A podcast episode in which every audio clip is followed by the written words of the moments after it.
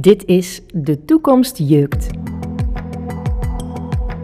Als de toekomst ergens jeukt, is het vooral daar waar nieuwe technologieën op ons afkomen. Technologieën waarvan iedereen beweert dat ze onze maatschappij gevoelig zullen veranderen, maar niemand duidelijk kan uitleggen wat het precies inhoudt. Blockchain is daar een mooi voorbeeld van. Maar wat is blockchain? Professor Makka de Lammejeure is mede-auteur van het boek Blockchain is van levensbelang en dus de ideale persoon om op deze vraag een antwoord te geven. Dag Makka, welkom in de toekomst jukt. Ehm, ik ben mede-auteur van het boek Blockchain is van levensbelang. Georgië komt daar ook in voor. Ja, ja. De stad waar je geboren bent. Maar misschien eerst even, je bent mede-auteur. Wie zijn de andere auteurs eh, van het boek? Dus wij zijn met vier auteurs die het boek hebben geschreven. Verschillende achtergrond, eh, verschillende nationaliteit, leeftijd, alles. Hè.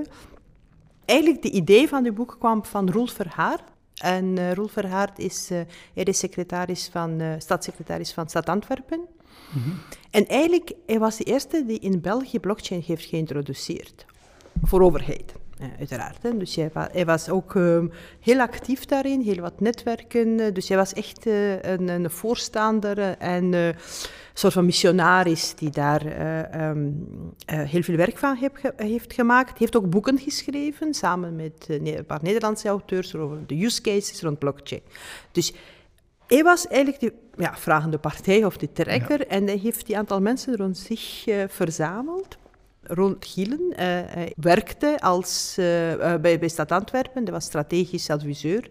En heeft heel wat projecten samen met Roel ook uitgerold.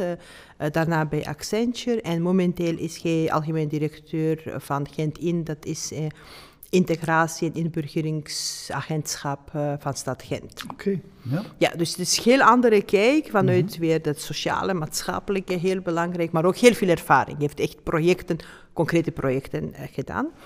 En dan kwamen wij twee, um, uh, Hans Mulder en ik, als um, wetenschappelijke achtergrond, excuus Truus zou ik dat zeggen, of zoiets van, om ook dat wetenschappelijk uit te leggen. Hans uh, er is ook een prof uh, bij AMS, uh, maar doet ook mee met heel wat netwerken in Nederland. Hij heeft heel veel ervaring in Nederland, daarom ook in lage landen. Dus het is niet alleen maar België, maar ook Nederland dat wij ja. bestrijken en proberen. En ik kwam vanuit een meer technische achtergrond. Ik ben zo ingenieur van, van de groepje, um, die dan eigenlijk um, meer techniciteit ook naar voren bracht of probeert uit te leggen ja, uh, hoe dat werkt. Op die manier. Ja. Oké, okay, maar dan heb ik de juiste persoon hier voor mij.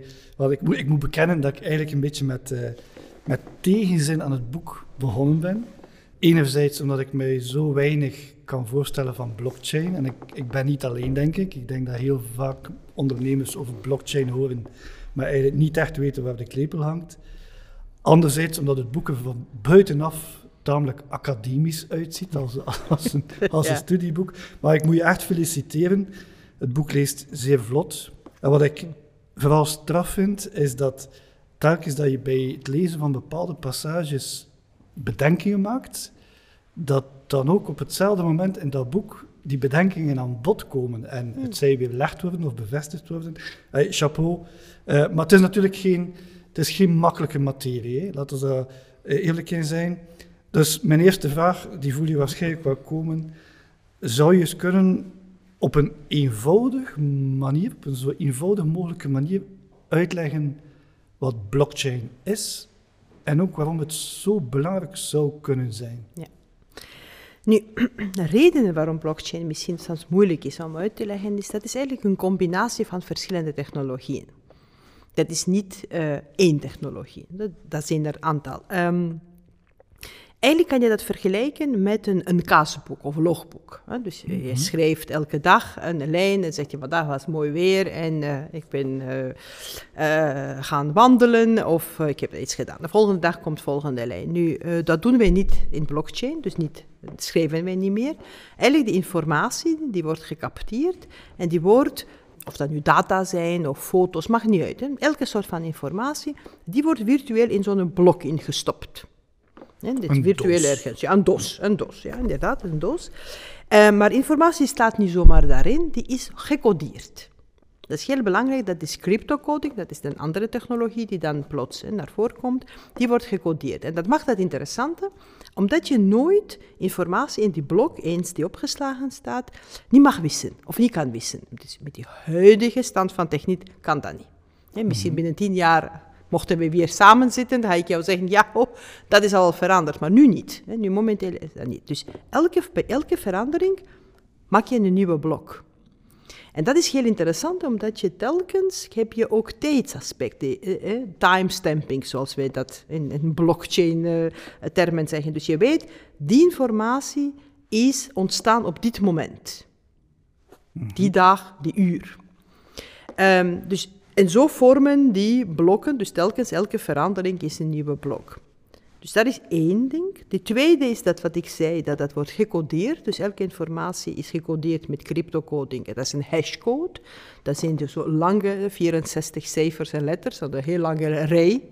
Eh, die wordt dan gegeven, die ook met de huidige stand van techniek niet zomaar eh, kan je dat bedenken. Hè. Dus je moet dat echt hebben. Je moet die informatie hebben om dan eh, verder te kunnen gebruiken. Dus je hebt die eerste blok. En bij elke verandering, eh, als je verandering aanbrengt, moeten iedereen die in dat blockchain-platform samen met jou zitten, moeten wel akkoord gaan dat die verandering gebeurd is. Ik heb een voorbeeld. Stel je voor, eh, studenten eh, die huren samen een, een, een huis. En ze hebben taken verdeeld. hè. De een moet boodschappen doen, de andere moet keuzen op een bepaalde moment, de derde moet iets anders doen. Dus dat is altijd discussie. Hè. Wie heeft wat wanneer gedaan, het klopt daar wel. Stel je voor dat je het in blockchain doet. En dat betekent, dat wordt ergens gecapteerd, dat ja, die heeft inderdaad melk gekocht. Maar ik kan niet zomaar daarin brengen, ik heb melk gekocht. De rest moet wel akkoord gaan. Ah ja, we hebben die melkdos gezien. Heeft dat inderdaad gekocht? Heb je achteraf niet meer discussie van, ah ja, maar ik heb dat gezegd. Nee, toch wel, dat heb ik niet gezegd. Dus dat is een stukje het vertrouwen. Daarom is het heel belangrijk. Blockchain wordt heel vaak gebruikt in die omgevingen waar vertrouwen laag is tussen de partners. Dus dat is heel belangrijk. Dus je kan eigenlijk niet liegen. Je kan dat niet liegen, hè? dat staat daarin. En wij zijn daar akkoord gegaan. Je moet natuurlijk ook serieus nemen in jouw taak. Hè? En, ook als je dat goedkeurt. Dus elke blok, dat noemen ze consensusmodel. Consensus, we moeten allemaal mee akkoord gaan. Die heeft melk gekocht. Check. Hè? Een volgende blok. Die blok daarna, hè, eh, een, een, een Kurt heeft inderdaad hier gepoetst. Ah, we hebben gezien, ah, dat is hier proper. Check. Die heeft op die moment gepoetst. Allee, dat is blockchain voor zoiets is misschien een dure oplossing, maar op zich zou dat wel gaan. En zo creëer je zo chain van die bloks, en waar je binnen die blok informatie niet kan veranderen, dat noemt immutable record, heel belangrijke. Maar ook waar je de rest van die omgeving ook mee akkoord gaat. Tot zover ben ik in het verhaal van blockchain mee. Al geloof ik nooit dat Kurt gepoetst heeft. Toch onthoud ik dat blockchain een veilige doos is met data waarin elke beweging of verandering door anderen geverifieerd wordt. Je kan eigenlijk niet liegen. Maar waar pas je die technologie dan toe? Bijvoorbeeld in supply chain. En we weten allemaal dat daar heel wat loesje dingen gebeuren. Als je blockchain daarin toepast, dan kan je zeker zijn, dat is die bedoeling, dat alle spelers in jouw supply chain inderdaad de dingen hebben gedaan die ze beweren dat ze gedaan hebben. Hè. Ehm, stel je voor, hè, West-Vlaanderen, en we hebben hier wat voedingsindustrie. En daar is altijd zo een discussie van, ja, wat is de afkomst van? Hoe wordt dat verwerkt? Hoe wordt dat vervoerd? Als je beweert, ik heb hier ja, duurzaam bedrijf, eh, je zet daar als logo daar ergens. Eh, de vraag is altijd van, ja, hoe ga ik als particulier dat te weten komen of je dat echt doet? Door dat alles in blockchain te doen, betekent alle spelers die daar betrokken zijn, de boer die daar oogst, eh, iemand die eh, vervoert, eh, iemand die dan verwerkt. Dus die moeten allemaal deel uitmaken van jouw chain, van jouw blockchain. En op het einde van de rit gaan jou zichtbaarder maken. Ik kan dat in de winkel met zo'n QR-code perfect dat alles ook zien. En zeggen, ah ja, inderdaad, zie je, die hebben niet zo'n meststof gebruikt die halve uh, aarde hier dood zou maken. Nee, nee, ze hebben, dat is hier een kopsbewijs, bij manier van mhm, spreken. Mhm. Dus het maakt transparant dat alles. Dus men praat heel veel over de blockchain rond vertrouwen, maar transparantie en traceerbaarheid wat je hebt gedaan. dus het, maakt, het maakt plots alles zichtbaarder en open. Dus als ik dat goed begrijp, je weet misschien nog dat ik destijds was ik actief in, uh, in de houtbranche in Brazilië, uh, pogingen gedaan om een FSC-bos uh, te, kunnen, te kunnen starten. FSC die staat voor Forest Stewardship Council, waarbij dat eigenlijk als je een blad papier of een melkdoos of een tuinmeubeltje waar het FVC-label op staat, betekent dat eigenlijk dat je zeker zou moeten zijn dat er een chain of custody is die de traceerbaarheid van dat blad papier tot aan de boom in het bos kan garanderen. Dat kost vandaag handenvol geld, omdat er controleorganisaties fysiek moeten partijen hout en pulp en dergelijke gaan controleren. Als ik het goed begrijp, zou blockchain kunnen maken dat dat proces eigenlijk sluitend is, zonder dat daar veel of geen controle van een mens achteraf noodzakelijk is. Er komt een heel mooi voorbeeld. En dat is juist de sterkte. Absoluut, de blockchain kan dat doen. En ehm, wat je daar elimineert, dat is ook genoemd de middelman. Dat zijn allerlei organisaties die tussenin zitten, die ook geld vragen om bijvoorbeeld controle uit te voeren.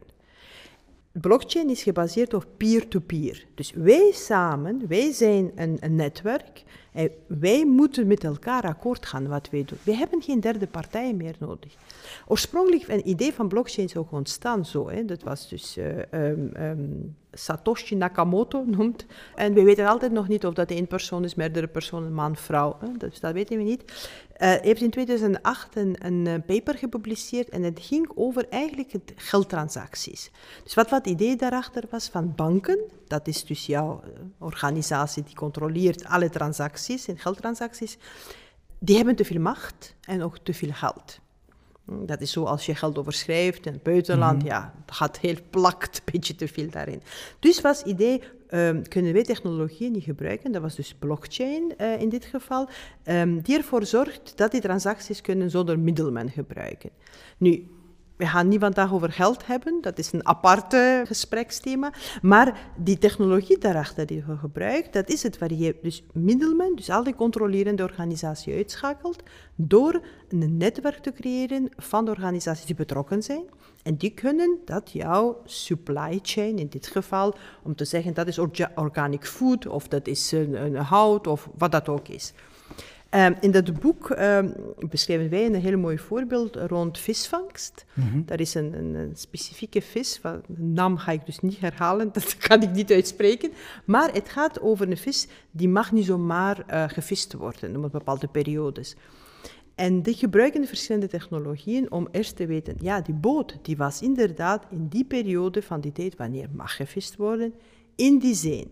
Die hebben inderdaad vis daar gevangen. De visser die daar heeft gevangen, die krijgt ook loon. Die vis is zo verder vervoerd, zo verwerkt en zo komt die in de winkel. Mhm. En dat geeft u als particulier plots macht, maar ook zicht op, dat klopt daar wel. Want dat, hoe weet ik daar of die alle tussenorganisaties niet hebben gesjoemeld? Blockchain zorgt ervoor dat de traceerbaarheid van goederen en diensten veiliger, sneller en eenvoudiger kan gebeuren. En toch associeer ik blockchain in de eerste plaats met Bitcoin. Ik denk dat heel veel mensen, als ze aan blockchain denken, dan denken we aan die ja, versleuteling van data. Dat gaat heel vaak over hm. data, zekerheid over data. Heel vaak komen we dan ook bij de Bitcoin terecht ik zie je al het gezicht van maken. Maar toch, ik, ga, ik, zal het maar, ik denk dat veel luisteraars ook op die manier uh, dat bekijken. Ik denk dan ook, ja, darknet, criminele wereld, drugshandel, kinderporno. Als je versleutelt met data, komt daar een hele andere wereld. Ook plotseling in het vizier die, die ja, gebruik, misbruik maakt van, van zo'n technologieën. Dat is een grote frustratie, las ik ook wel in het boek. van mensen die in blockchain geloven, dat die perceptie vaak negatief is of verengd wordt tot bitcoin alleen. Is dat ook Ja, ja, deel je absoluut. die frustratie? Maar Het is ontstaan met die bitcoin, dat klopt. Dus met crypto geld, dat was de eerste toepassing. Eh, maar blockchain is al lang ontgroeid, die bitcoin. Of andere, er zijn er honderden van hè, crypto geld eh, toepassingen. Dat is al lang ontgroeid. En eh, dat is het wat men altijd maar teruggaat naar die, eh, die, naar die bitcoin.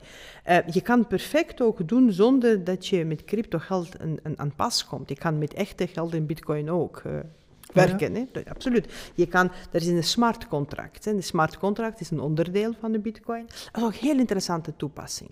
En bijvoorbeeld, hè, jullie zijn in, in, in e-commerce bezig.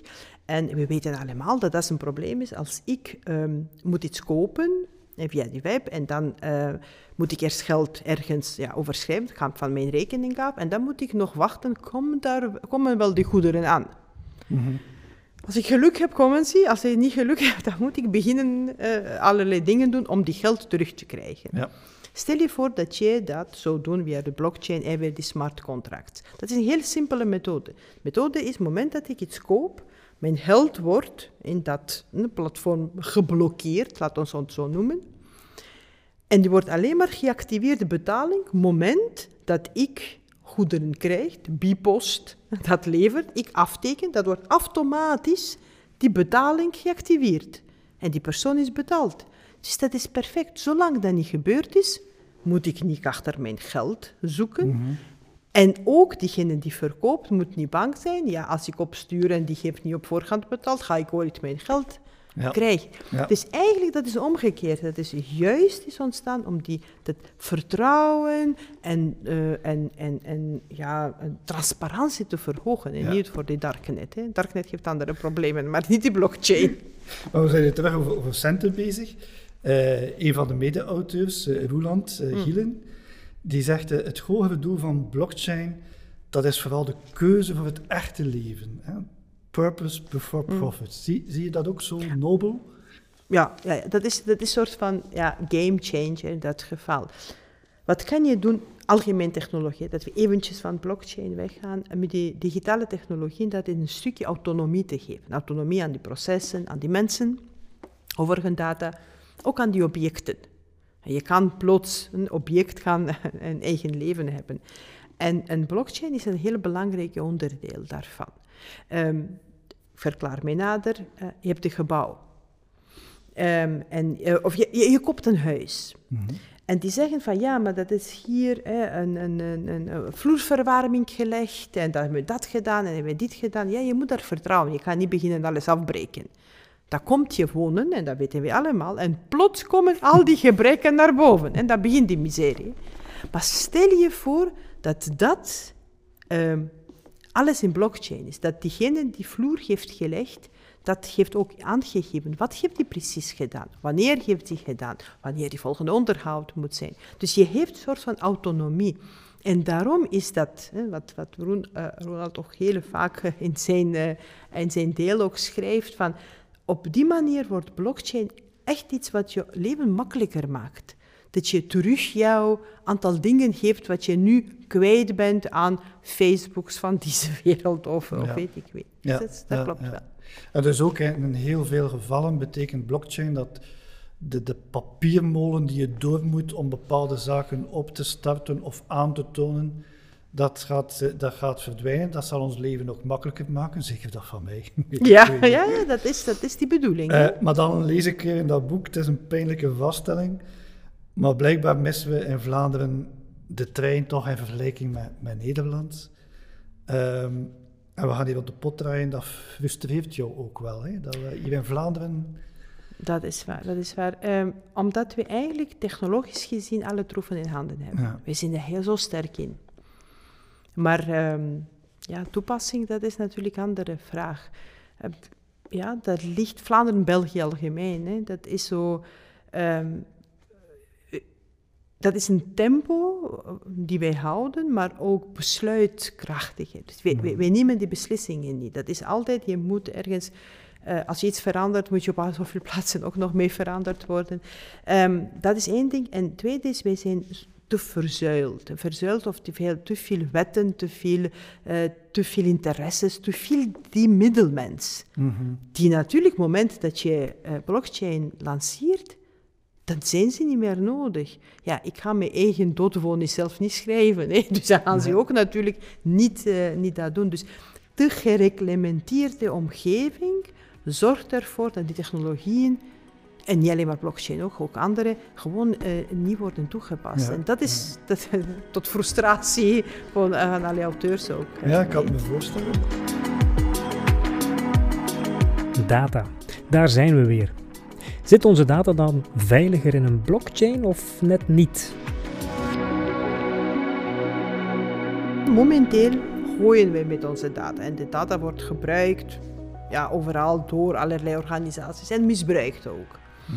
Stel je voor dat je met die blockchain, of blockchain, moet ik misschien één iets nog zeggen, blockchain is één van die methodes uh, van distributed ledgers. Distributed ledger technology is wel breder, er zijn verschillende technologieën daarin, blockchain één, één daarvan.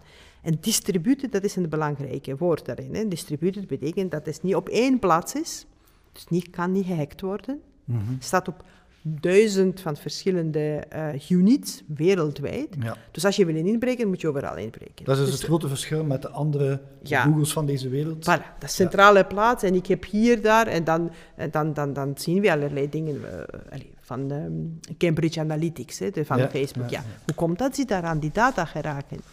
Dat, dat, dat, die dingen, zodat dat alles via die blockchain verlopen, of een van die distributed ledger technologieën, daar zouden wij veel sneller weten dat iemand plots onze data misbruikt. En dan kan je iets daartegen doen. Mm -hmm. ja. Nu weten wij dat niet. Hè? Ja. Dus wij, wij, zeggen soms, ja, we hebben GDPR-oplossingen, maar eigenlijk geven we zoveel data vrij aan grote Amerikaanse meestal bedrijven en ze doen daar maar iets mee. Ja, ja. ja misschien iets helemaal anders en toch ik ken dus een klein beetje de geschiedenis van, van jouw geboorteland, Georgië. Maar ik was, was eigenlijk heel verrast te lezen dat op vlak van blockchain-technologie we hier in het Westen eigenlijk een voorbeeld kunnen nemen aan, aan Georgië. Ja. Hoe, hoe komt dat? Hoe kan dat? Ah, wel, misschien omwille van minder reglementering en een stukje leiderschap, mm -hmm. die we ook soms missen. Hè? Dat is het wat. Dus je hebt op een bepaald moment beslist van wij hebben het nodig omdat het kan, uh, telkens als nieuwe regering komt, veranderen wetten, veranderen allerlei dingen. Dus wij moeten iets hebben wat stabiel voor stabiliteit zorgt. En zo hebben ze een kadaster, dus eigendom op ja, een, een huizen of, uh, of, uh, of onroerend goed, hebben ze via die blockchain geregeld. Um, ze zijn heel klein begonnen um, als, als testcase, maar ondertussen staan meer dan 2 miljoen eigendommen in de mhm. blockchain. Dat betekent dat ik als ik morgen een, een huis of een gebouw wil kopen, of huren misschien zelf, kan ik perfect weten en zekerheid hebben, oké, dat is die persoon die de eigenaar is. En niet iemand die zegt wat dat de eigenaar is. Um, dat is alle, alle rechten, alle plichten, hè, die zijn perfect in dat blockchain opgenomen. Op het moment dat ik het koop, dan wordt dus een nieuwe blok gecreëerd waar alle deelnemers van, zowel overheid als ook die eigenaar mee akkoord gaat. En dan heb ik het. Ik ben de eigenaar en het staat in de blockchain. Dat betekent ook dat je alle tussenpartijen uh, op dit moment uitschakelt. Heb je die nodig? Nu, ik heb dat zelf gedaan. Ik heb ondertussen drie jaar geleden een huis van mijn ouders overgekocht. Uh, dat heeft in Georgië? In Georgië. Ja. Uh, het heeft twee uur geduurd. En 200 dollar of zoiets ongeveer. Dus niks, hè. Als je vergelijkt hoe lang dat hier duurt. Maar geen notaris? Niet, niet. Niets. Uh, dat was natuurlijk... En dat is het, het interessante, um, of belangrijke daarbij, um, die gevallen wanneer die duidelijkheid is. Dat was huis die mijn, mijn ouders hebben gebouwd, dat is hun huis, daar zijn geen, uh, dat is geen hypotheek meer daarop. Er zijn ook geen andere uh, mensen die daar uh, ergens aanspraak op maken. Dus dat is een heel duidelijk geval. Voor deze duidelijke gevallen is blockchain ideaal. Waar de notaris altijd nog een heel belangrijke rol speelt, daar zijn er heel wat eigendommen waar niet duidelijk is wie is dat eigenlijk, die eigenaar. Hè, dat, iemand die betwist eigenaarschap van die andere. Dus daar is altijd nog, die kan je niet in blockchain zomaar steken. Eerst moet je alles in orde brengen.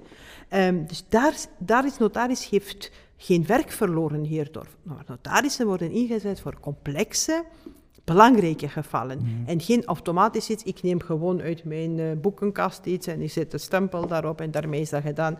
En, eh, en reken goed door. Dus dat stukje, dat moeten we een verschil maken. Ja, Eh, ja. Dat is een mooi voorbeeld eigenlijk van hoe dat blockchain dan toch wel een gemak wordt voor Ja, heel, ja. en een versnelling is voor heel veel zaken.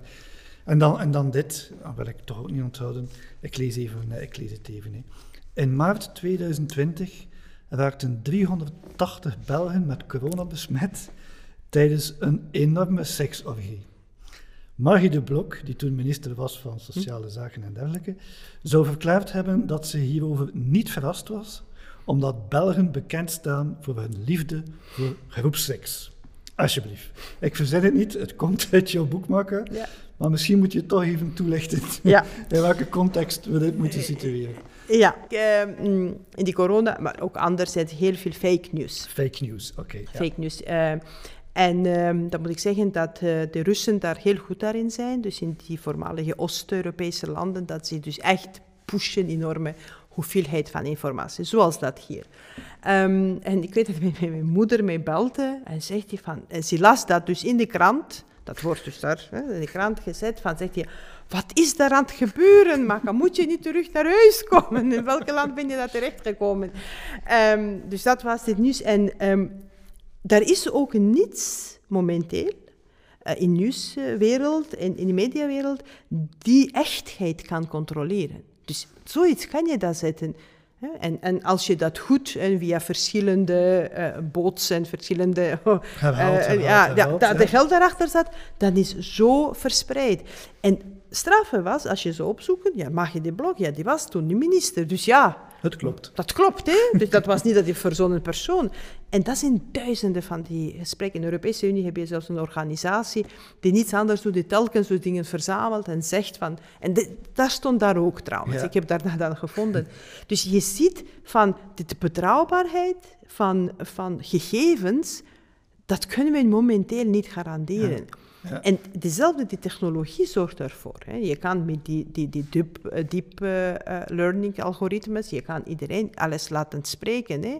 Je kan de lippenbewegingen zomaar namaken. ja, ja, klopt. Ja, ja, hoe ga je dat alsjeblieft straks controleren? Heeft die dat persoon daar wel gezegd? ja, Dus je hebt technologie nodig die echtheid, die data, oorsprong daarvan, kan tonen. En daar komt, dus daar komen we terug bij voor mij was al een verrassend en positieve vaststelling dat, dat we door blockchain er zouden kunnen in slagen om, om waarheid van, van leugens te kunnen onderscheiden. En dan probeer je dat ook uit te leggen. En ik zou vragen om dat nog eens eh, Mm. ook in deze podcast te doen. Eh, de, de, de ZKP-techniek. Ja. Dat is een verhaal met het voorbeeld van de rode en de groene ballen en de kleurenblinden. Ja. Misschien kan je dat even proberen Ja. toe te lichten.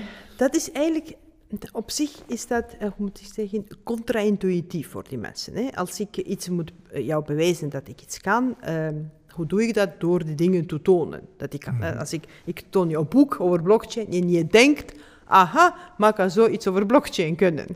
Dat, is dus, dat is een basis. Die zero-knowledge proof vertrekt vanuit andere gedachten. Het zegt van, eigenlijk moeten we niet altijd alles zeggen. We moeten gewoon anderen overtuigen in dat wat wij kunnen, zonder bewijs te leveren. Daar vandaar zero knowledge. Zero knowledge, ja. Dus ik geef jou geen kennisoverdracht, maar je moet geloven wat ik doe. Nu, ik weet niet of je dat goed hebt gelezen, maar dat is een hele mooie met die rode en, en, en, en groene eh, ballen. Dus stel je voor, wij zitten, je, je bent kleurblind. Dus waarschijnlijk jij meer dan ik, omdat meer mannen zijn kleurblind dan die vrouwen. Maar goed, dus... En we hebben eh, een rood en een groene, eh, een groene bal. Ik, heb dat, ik kan het perfect verschil zien, je kan dat niet zien. Oké. En ik wil jou tonen dat dat is een verschil, dat zijn twee kleuren. Je zegt van nee, dat zijn dezelfde kleur. Hoe doen we? Je neemt twee ballen, dus rood en groen, in, in, in de handen. En dan, eh, oké, we, we- we weten in welke hand welke bal is. En dan achter je rug verander je die of verander je niet. Je weet wat je verandert, ik niet op zich. Hè. Je toont die me weer en ik kan perfect zeggen, ah ja, dat is het rode, dat is de groene. Dus ik weet of dat iets veranderd is. Bij één keer zou ik zeggen, dat is een 50-50 procent. Ik kan zeggen dat ik toevallig dat eh, juist heb gezegd. Maar stel je voor dat we 100 keer herhalen, dat is onmogelijk, dat is altijd correct zegt of je bal hebt veranderd of niet. Voor mij is dat geen probleem, ik zie die kleuren. Wat is op het einde van de rit? Je weet dat er is verschil in kleur, maar je weet altijd nog niet welke rode en welke groene Nee, is. Pech, hè? Dat kan niet. Nu, ehm, dat is eh interactieve methode eh, van eh, zero knowledge proof. Nu, dat kan je niet altijd doen, en, dus dat werkt op zich niet. Maar er bestaat ook niet-interactieve methode. En dat is wel heel interessant is, omdat je niet altijd alles wil vertellen. Je wil gewoon tonen van, ik heb iets, of ik weet iets, zonder dat je alles daarover toont. Weet je, vergelijk dat met eh, als je iets betaalt in de winkel. Je betaalt, maar op dat moment vertel je niet de winkelier hoeveel op, jou, op jouw rekening staat. Hè. Eigenlijk dezelfde principe, maar dat kan je veel breder gebruiken. Nu, in het boek vertel ik verhaal, en dat is wel zeer persoonlijk. eh, als ik iemand uit Georgië uitnodig, eh, en, nu niet meer, maar die hadden altijd visa nodig. Eh, dus ik moest aantonen dat ik ten ik op mij neem. Dus als ik hier zijn, ik neem alle lasten, alle kosten op mij. Hoe doe je dat? Ik moest van mijn loonbrief van de laatste drie maanden, mijn arbeidscontract, mijn contract van huis, samenstelling van gezin. Dus eigenlijk heel veel gevoelige informatie die ik moet dan geven. Hier wordt afgegeven in het gemeentehuis. En wie weet wie dat allemaal dat leest. Ja. Wil je dat? Nee, dat wil je niet. Met Zero Knowledge Proof hoeft dat niet. Dat is een kwestie van te zeggen van oké, hoeveel geld hebben we nodig? Als iemand komt, 10.000 euro. Je moet gewoon kijken van heeft ze überhaupt 10.000 op haar rekening? En op zich hiermee is ook gedaan. Hè? Dus je kan veel sneller door die methodologie, door die algoritme, dingen doen zonder dat je al die achterliggende informatie moet vrijgeven. Ja? Dat is. We weten ondertussen dat blockchain-technologie alle middelmen en de bureaucratische rompslomp kan uitschakelen. Maar kan de zaakvoerder van een KMO met die technologie iets aanvangen? Dat is me nog steeds niet duidelijk. Ik neem nu een, een uit de kluiten gewassen boekhoudkantoor met, met een paar honderd medewerkers. Moet ik hen nu adviseren om proactief in te zetten op blockchain? En hoe zou zo'n boekhoudkantoor dat dan kunnen doen? Ik zou niemand zomaar adviseren om blockchain te gebruiken. Let op, blockchain is een, een, een ehm, hoe moet ik zeggen, eh, dat is geen complex, maar toch, dat, dat is een, een technologie die niet zomaar in 1, 2 doet. Je moet goed nadenken, wat is het probleem die ik wil oplossen? Als het probleem van die boekhoudkantoor is, dat die probleem heeft met het vertrouwen tussen de klanten, met die klanten, eh die zijn complexe problemen zijn. Eh, er zijn dus aantal ehm, voorwaarden, als die vervuld zijn, dan maakt niet uit of je groot of klein bent. Hè. Dat is absoluut, het heeft daarmee niets te maken met de grootte van de onderneming, het heeft te maken met het probleem die je wil oplossen. Ehm, en daarom ehm, is dat zo, eventjes van die boekhoudkantoor eventjes af te wijken, heel veel blockchain-projecten die mislukken. En op zich kan je op voorhand al zeggen, natuurlijk gaan ze mislukken. Je gaat in blockchain iets inzetten waar je perfect met jouw kasboek kan werken en met die hand opschrijven. Doe dat maar, doe dat maar verder. Dat, is, dat werkt, als dat werkt, doe dat zeker maar verder. Maar stel je voor, je hebt veel klanten in eh, ver weg, waar je niet eh, telkens de contacten hebt. Je bent niet zeker of je de informatie die je van hen krijgt ook altijd correct is. Dus als je, het aantal voorwaarden die we ook in het boek beschrijven, die moeten vervuld zijn vooraleer iemand overstapt naar die blockchain. Dat is zoals in geneeskunde. Hè. Dat is niet één geneesmiddel die alles geneest. Hè. Afhankelijk van hoe ziet jouw ziektebeeld uit, wat zijn verschijnselen, wat is het wat je, wat je nodig hebt. En dan kan ik jou verschrijven. En soms is dat blockchain gewoon overkill. Dat heb je echt niet nodig. Dat is te veel, te duur, te ingewikkeld voor dat wat je wil oplossen. Maar in die andere gevallen is dat de enige die jou kan helpen. Anders ga je bij Ja. wijze van spreken dood. Dus ah, die vraag is van die KMO's is dezelfde. Als bedrijf alleen is, die gaat niet alleen blockchain opstarten. Dat geeft geen ja, heeft zin. Daarom is het, blockchain is eigenlijk een soort van summum in die digitale transformatie. Als je ver gaat in die digitale transformatie, werk je met heel veel organisaties samen. Groot of klein, privé, overheid, maakt niet uit. En dan begint die blockchain belangrijk te worden. Maar ik zou als een KMO alleen voor mijzelf met die blockchain iets doen. Goh, Nee. dat is, dan moet je echt, eh allee, tenzij je heel veel geld en tijd hebt dat te doen, dat is altijd welkom. Maar eh, eigenlijk heb je niet nodig. Maar het is, het is complexiteit, dus het moet een probleem zijn met weinig vertrouwen, waar, waar het, ehm, ehm, traceability, hoe zeg je dat? De traceerbaarheid. traceerbaarheid belangrijk is, waar heel belangrijk is dat transparantie groot is. Als je die problemen hebt, dan wordt de blockchain goed. En dan is het doenbaar. Dat kost iets, maar dat ga je heel snel terugverdienen. Ja. Maar dan moet je problemen detecteren. En dat is denk ik een cruciaal. Dus boekhoudkantoren kan die dat doen, zeker. Als hun probleem duidelijk is. Waarvoor? Ja, we, kijken, we zijn alle twee mensen die graag positief naar de toekomst kijken. Maar ik heb ook wel goed gelezen in het boek dat zo'n implementatie enkel maar kan slagen in organisaties met een tamelijk vlakke structuur. Eh, laat ons eerlijk zijn, heel veel van onze bedrijven, om maar niet te spreken van de overheid, zijn nog eh, ja, heel verticale structuren, zeer top-down. Ben je dan optimistisch naar de implementatie van, van blockchain. Want eigenlijk, als ik het goed begrijp, als, ook als KMO, kan je niet veel bereiken als de overheid op dat vlak al niet enkele grote stappen heeft genomen. Want je komt toch heel snel op die bureaucratische muur terecht. Op zich, dat is het schone is, bij blockchain hoef je eigenlijk geen overheid nodig. De overheid is een middelman, die kan elimineren. Ik hoop dat te veel mensen van de overheid naar luisteren naar, naar dit podcast. Maar eigenlijk is dat zo. Eigenlijk heb je die nodig. Dat is, het, dat is het, het mooie daarin. En weet je wat het mooie daarin is? Ook in blockchain, ook concurrenten kunnen samenwerken. En daar hebben we voorbeelden. Ja, in het boek, maar ook algemeen, eh, bijvoorbeeld de grote chemische bedrijven die normaal gezien nooit samenkomen, die plots beginnen samen te werken voor rond een circulariteit. Hè. Die zeggen van ja, dat is iets wat wij alleen niet kunnen oplossen, maar als wij via die blockchain, via die hè, de technologie, die stukje het, eh, het vertrouwen van ons overneemt. Dus dat, dat, dat kan daar wel. Dus je moet op zich niet op die overheid eh, eh, wachten. Dus dat, dat is niet nodig. Maar wel wat je zegt rond dat ehm, manier hoe je die organisatie is gestructureerd, dat wel. Ja, je, je kan dat niet doen eh, als je eh, de- inderdaad zo'n verticale structuur hebt. En ik denk met die COVID hebben wij daar ook heel wat gezien daarin. Dat dat blijkbaar te veel meer is dan wij, eh, veel meer is dan wij dachten, dat die bedrijven zo zijn gestructureerd. Of ook diegenen die beweerden dat die niet zo zijn, plots zijn ze hè, teruggestapt in, dat, eh, in dat verticale. Dus dat gaat niet. Je moet, ehm, daar is een stukje, het, het, eh, technologie neemt een stukje het vertrouwen op zich, dus je kan dat opbouwen, eh, maar je kan niet commanderen dat stukje. Ja. Dus dat is echt...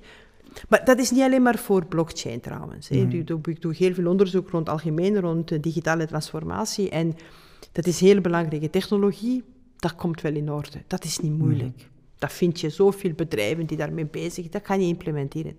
Maar jouw organisatie klaarmaken voor digitale transformatie, rond skills, competenties, rond leadership die je geeft, eh, rond je structuur, rond je bedrijfscultuur. Dat is andere paar mouwen. Ja. Daar is veel werk. Dus dat, dat, dat, dat klopt daar wel. Dus we moeten er iets aan doen. Maar we moeten daar, denk ik, ook heel snel daar werk van maken. Als we kijken hoe de jonge generatie opkomt en eh, hoe ze gewend zijn ook te functioneren. Dat zal niet evident zijn om ze in zo'n verticale structuur onder Nee, te brengen. nee, dat gaat dat niet lukken. Hè? Ja. Ehm, ja, dan heb ik nog een verzoekje, Makka. Ik weet niet of dat zou lukken om nog een goed woordje te doen voor mij bij Leolani.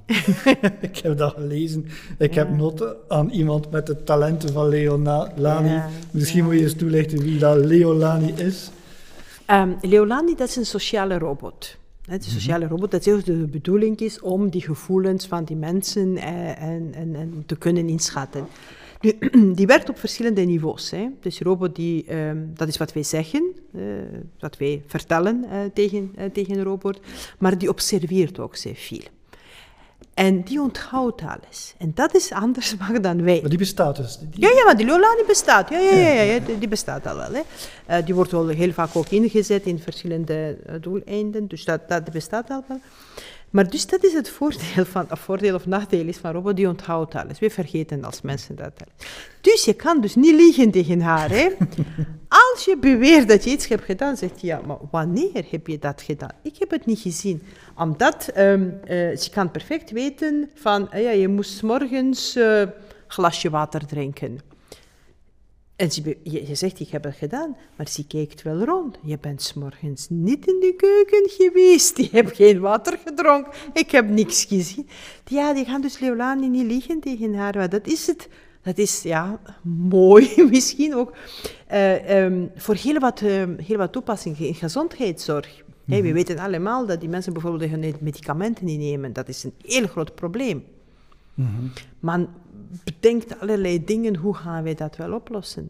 Laat, laat maar Leolani los, die gaat dat wel, die gaat dat wel oplossen. Oké, okay, alle hoop gesteld in Leolani. Ja. Um, dat is een Belgische, onder de Belgen die daar uh, heel veel ontwikkeling voor hebben gedaan. Is dat zo? Ja, ja, ja, ja er okay. zijn uh, een paar universiteiten in Gent. Ja, moeten we trots op zijn. Absoluut, absoluut. Um, dan de laatste vraag. Uh, ik zie dat je nog altijd vol energie in, in het leven staat. Maar waar jeukt de toekomst bij jou momenteel? Hoe ziet jouw toekomst eruit? Dat zijn twee dingen die mij nu bezighouden. Um, de een is waar ik uh, vaststel um, hoe weinig wij veranderingsgezind zijn. Mm-hmm. Dat is, ik bedoel, de geschiedenis toont aan dat dat nodig is. Hè. En, en, ik ben niet zeker, maar wordt aan, Charles Darwin toegeschreven, die woorden, die, diegene die overleeft is niet de sterkste, maar diegene die zich gaat aanpassen. Dat weten wij al, dat heel geschiedenis toont aan. En toch slagen wij daarin, telkens, om niet te doen. Um, en om terug naar technologieën, ik zie zoveel mogelijkheden met technologieën. Enerzijds, anderzijds zoveel uitdagingen die wij hebben vandaag in deze maatschappij op alle vlakken. En we kunnen technologie heel vaak inzetten om wat problemen op te lossen, en dat doen wij niet. Omdat we dat bang zijn. Hè. Stel je voor, hè, dat zou wel iets, iets verkeerd kunnen lopen. Dus dat houdt mij nu wel heel vaak ja. bezig. Misschien maar één ding nog aan toevoegen, wat ik ook mee bezighoud, of wat ik zo zie, dat moeten we veranderen of anders moeten aanpakken. En terug in, dankzij COVID komt meer naar boven, is het walk your talk. Hè? Dat we heel vaak zien mensen die iets beweren, maar dat niet doen. En dat is zo storend soms, uh, of dat nu een bedrijfsleven is of iets anders. Als je zegt, ik ben een duurzaam bedrijf, ik heb hier een duurzame, uh, ja, duurzame oplossingen, uh, maar eigenlijk klopt van geen kant een manier waarop jouw bedrijf leidt, waarom je die dingen doet. Dan denk je, dat kan toch niet, je mag toch jou niet betrouwbaar naar buiten, dat gaat dat niet werken. En hoe wij die match kunnen doen. Ja. Ik, ik heb geen antwoorden, ik heb vragen. Ja, ja. De greenwashing tegenhouden, bijvoorbeeld, bijvoorbeeld ja, En, dat, uh, ja. dat geraken wij niet ver. En, en als wij zelf dat voorbeeld niet tonen, um, dan maken we ons niet betrouwbaar. Hè. Ja. ik, ik moet heel wat lezingen zo geven rond, ja, rond circulaire economie. Hoe moeten wij dat doen? Ja, we kunnen daar wel doen, maar dan moeten wij zelf voorbeeld geven. Ja. Ik kan niet zeggen, ik ben circulair bezig en niets voor doen Ja, ja. als bedrijf. Dat kan niet, dat, dat, dat werkt zo niet op die Ja. manier. Of, dat is alleen maar rond de duurzaamheid, hoor. dat is op alle vlakken. Hè. Wij, wij hebben vlakke structuur, maar eigenlijk hebben wij geen vlakke structuur. Ja. Ik ga met de Excels komen straks. dat werkt dus niet. Ja. Maar dus ik, ik, ik onthoud eigenlijk nu na dit gesprek vooral ehm, dat, en het woord is vaak geval- gevallen, vertrouwen, betrouwbaarheid, dat dat eigenlijk de zaken zijn die we met blockchain het best kunnen gaan verzekeren en dat we daardoor effectief het, ons leven, als mens, maar als bedrijf, mooier kunnen maken, omdat we die, dat wantrouwen voor een stuk gaan kunnen opzij zetten. En dat is inderdaad wel een, een belangrijke gedachte, dat we niet meer Mm. wantrouwig moeten staan ten opzichte van veel zaken, dat er een heel grote traceability zal zijn, Ja. eh, dankzij de techniek van, van blockchain. Eh, ja, dat is een heel mooi, heel mooi inzicht om je af te sluiten, denk ik. Ik wil je hartelijk bedanken, Maka, voor dit gesprek. Ik raad ook iedereen aan om, om het boek te lezen en met open vizier naar blockchain en de ontwikkelingen in blockchain te kijken. Ik vond het heel leerrijk. Eh, ik- een dikke merci om hier vanavond aanwezig te zijn. Dankjewel. Ben jij niet bang voor verandering? Durf je met open vizier naar de toekomst te kijken? Dan delen Kurt en ik graag onze kennis en ervaring tijdens een klankbordsessie. Op maxunited.be slash klankbordsessie kan je rechtstreeks in onze agenda jouw moment reserveren.